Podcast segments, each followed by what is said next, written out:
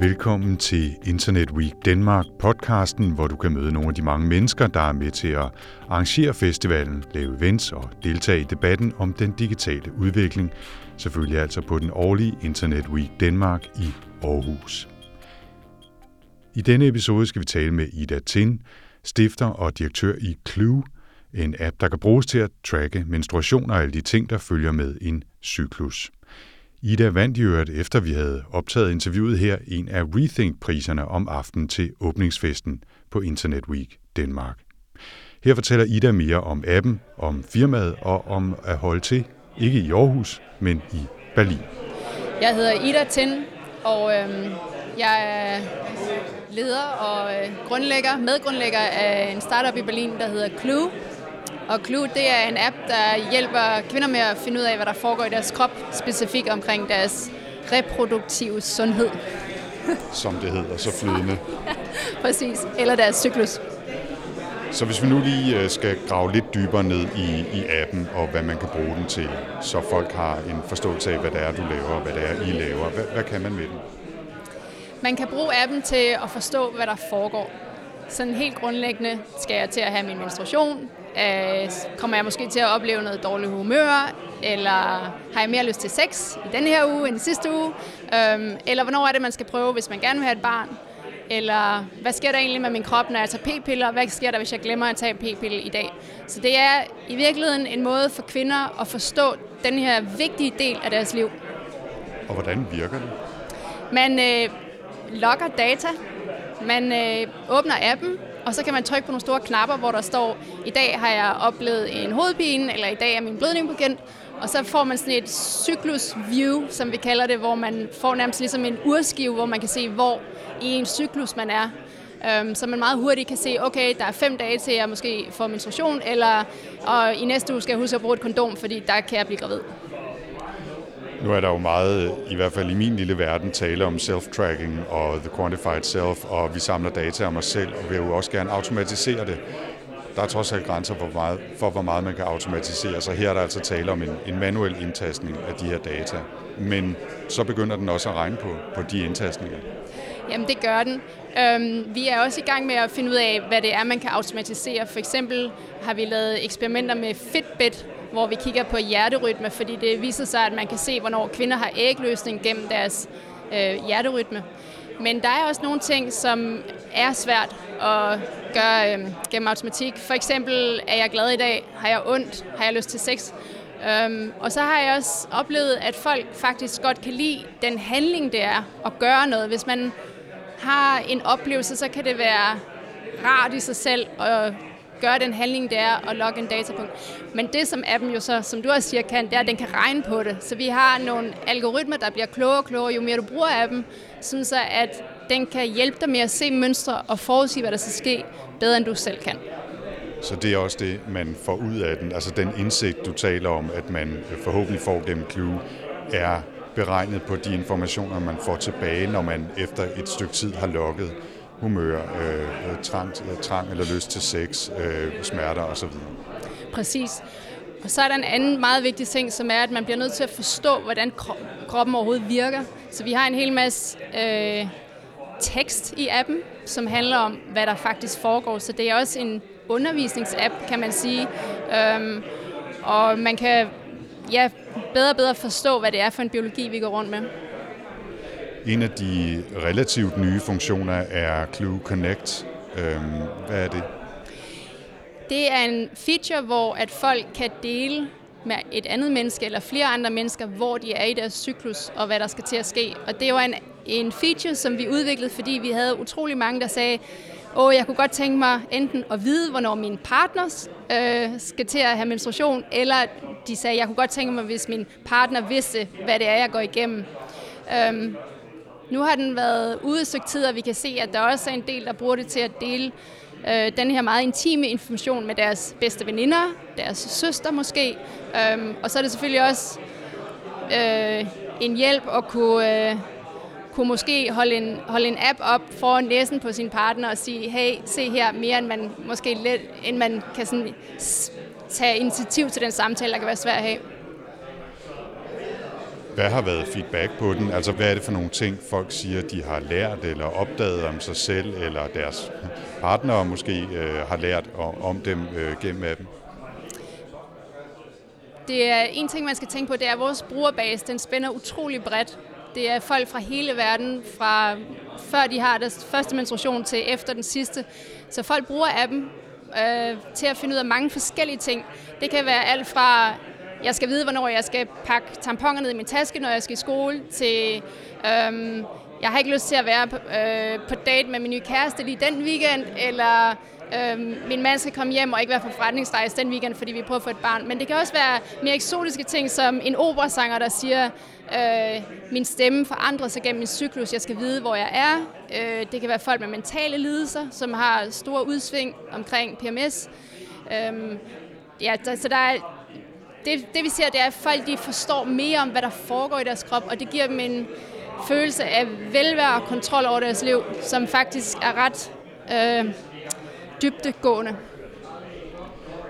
Ida, hvis vi lige skifter spor et øjeblik og taler om Clue som, som firma og forretning, øh, giv os lige sådan den hurtige introduktion. Hvor mange er I? Hvor er I henne? Øh, hvor er I henne som, som firma?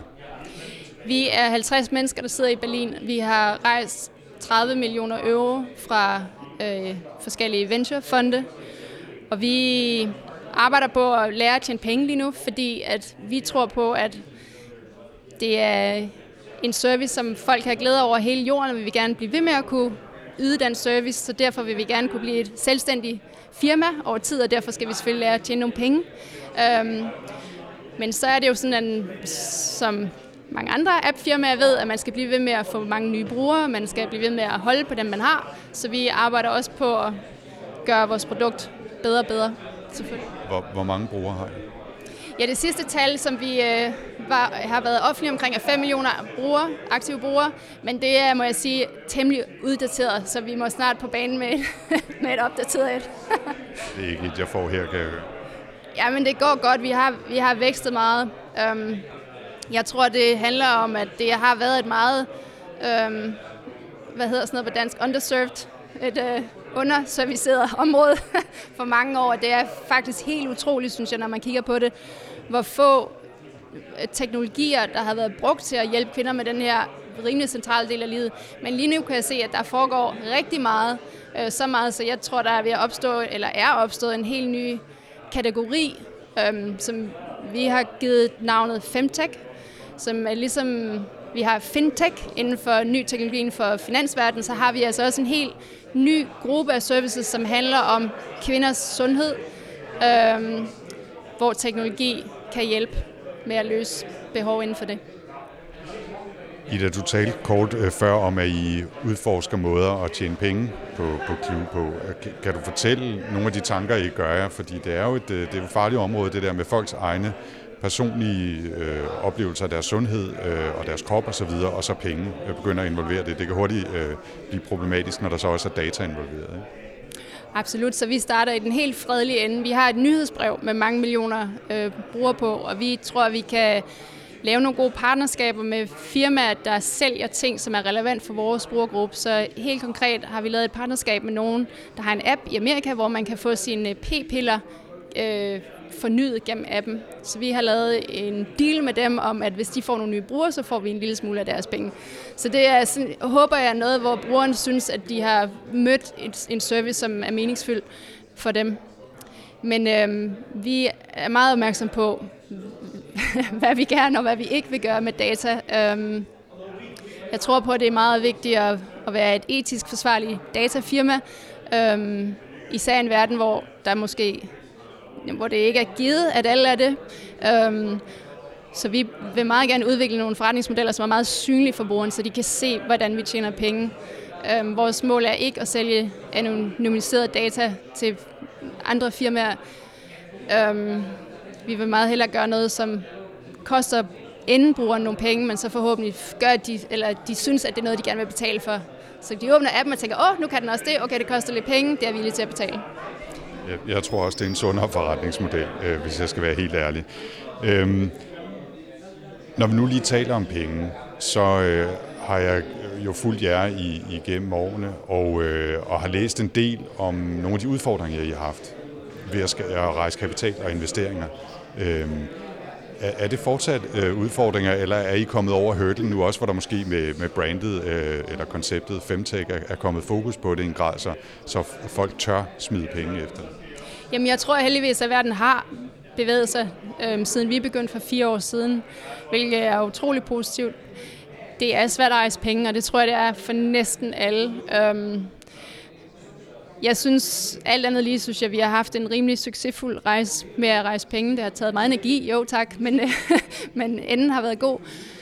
Jeg, jeg tror aldrig, det bliver let, fordi at nu har vi rejst den her mængde penge, som så skal nå at få os over de næste hurdler, for at man kan rejse penge igen. Og de hurdler, de bliver jo altså desværre højere og højere. så, så vi skal da lægge os rigtig godt i selen for at kunne rejse penge næste gang. I dag her hen imod øh, slutningen. Nu står vi jo i dag på Internet Week Danmark i Aarhus. Og øh, der var også et par spørgsmål øh, derinde på scenen, som kredsede om, at I jo øh, holder til i Berlin og har valgt at lægge firmaet der, og ikke for eksempel i Aarhus, hvilket mange mennesker her i dag selvfølgelig ville synes ville være oplagt, og der sker jo også rigtig meget heroppe. Øh, hvor, hvorfor er I havnet i Berlin? Jeg havde ikke nogen indkomst, da jeg fik ideen til Clue, og jeg var gravid, og øh, min kæreste, han tjente en lille smule penge i en startup i Berlin, så det var sådan det helt lavpraktiske, at vi havde en indkomst i Berlin, og vi kunne se, at vi skulle kunne leve for meget lidt penge i et godt stykke tid, mens vi startede Clue. Øhm, men derudover så er der også et økosystem, som gør, at man kan lære hurtigt nok. Øhm, og jeg vil sige, at selv Berlin er faktisk man kan, ikke, man kan ikke bare være i Berlin. Vi rejser rigtig meget til Silicon Valley og til London og til alle mulige andre steder for at snakke med de mennesker, som er de bedste i verden til det, vi prøver at gøre. Og de udfordringer, man har, de ændrer sig hele tiden. Så jeg tror, så kan man sige, så kunne man også være i Aarhus og så rejse rundt, og det kunne man sikkert også. Øhm, og så har man jo fordelen, at man kan gå rundt og bade i sin, i sin frokostbar, så, så hvorfor ikke? Men der er trods alt et, et lidt større miljø også af potentielle ansatte eller øh, folk med, med penge øh, i Berlin, end der er i Aarhus, trods alt. Jo, det er noget andet, jeg har set, udover at folk investerer mere i femtech, det er, at internationale penge kommer mere til Europa. Og jeg tror, nu begynder investorerne at kigge i Berlin, de kigger i København, Stockholm, London. Måske vil de også begynde at kigge i Aarhus. Altså den der idé om, at man kan have en investering, ikke lige down Sand Hill Road i Silicon Valley, den er der. Så det tror jeg gør det lettere øhm, at starte her. Det med at skaffe talent, det er stadig, tror jeg en større udfordring til et mindre sted som Aarhus. Men bestemt ikke umuligt hvis man er god til at lave et godt employer brand, og man har en spændende mission, så kan man da helt sikkert få gode folk til Berlin også, det tror jeg. Nej, undskyld til Aarhus. Også til Berlin, men også til Aarhus. med alle byer. Men begge byer er jo rare at, at være i, øh, hvis jeg må have lov til at komme med en personlig kommentar. Her til sidst, øh, bare kort om, øh, om visionerne for fremtiden. Hvad, hvad er sådan de næste, de næste større øh, trædesten? Jamen, det er helt oplagt, at vi skal kunne gøre meget mere med den data, vi har. Både at få mere data og gøre mere, lave mere mening ud af den. Så machine learning er også en stor ting for os. Jeg ved godt, det er en kliché, men det, det er også en stor ting for os. Og jeg vil gerne have en fremtid, hvor alle mennesker på den her planet med en smartphone i hånden kan åbne den og virkelig forstå, hvad der foregår i deres krop, og hvad der skal til at foregå, og hvad der har foregået. Øhm, fordi jeg tror, at det vil give en verden, hvor folk kan træffe gode valg for dem selv og være sunde. Store ord, men, øh, men det skal til. Tak fordi du øh, snakkede med os her på øh, Internet Week Danmark. Ha' en god dag. Det var en fornøjelse. Selv tak. Ha' en god dag. Og således sluttede denne episode af Internet Week Danmark podcasten. Du kan høre flere samtaler og reportager og stemningsbilleder fra festivalen ved at abonnere på podcasten selvfølgelig, og vil du vide mere, så kan du besøge internetweekdenmark.com. Podcasten bliver produceret af Podlab for Internet Week Danmark. Jeg hedder Anders Høgh Nissen. Tak for denne gang.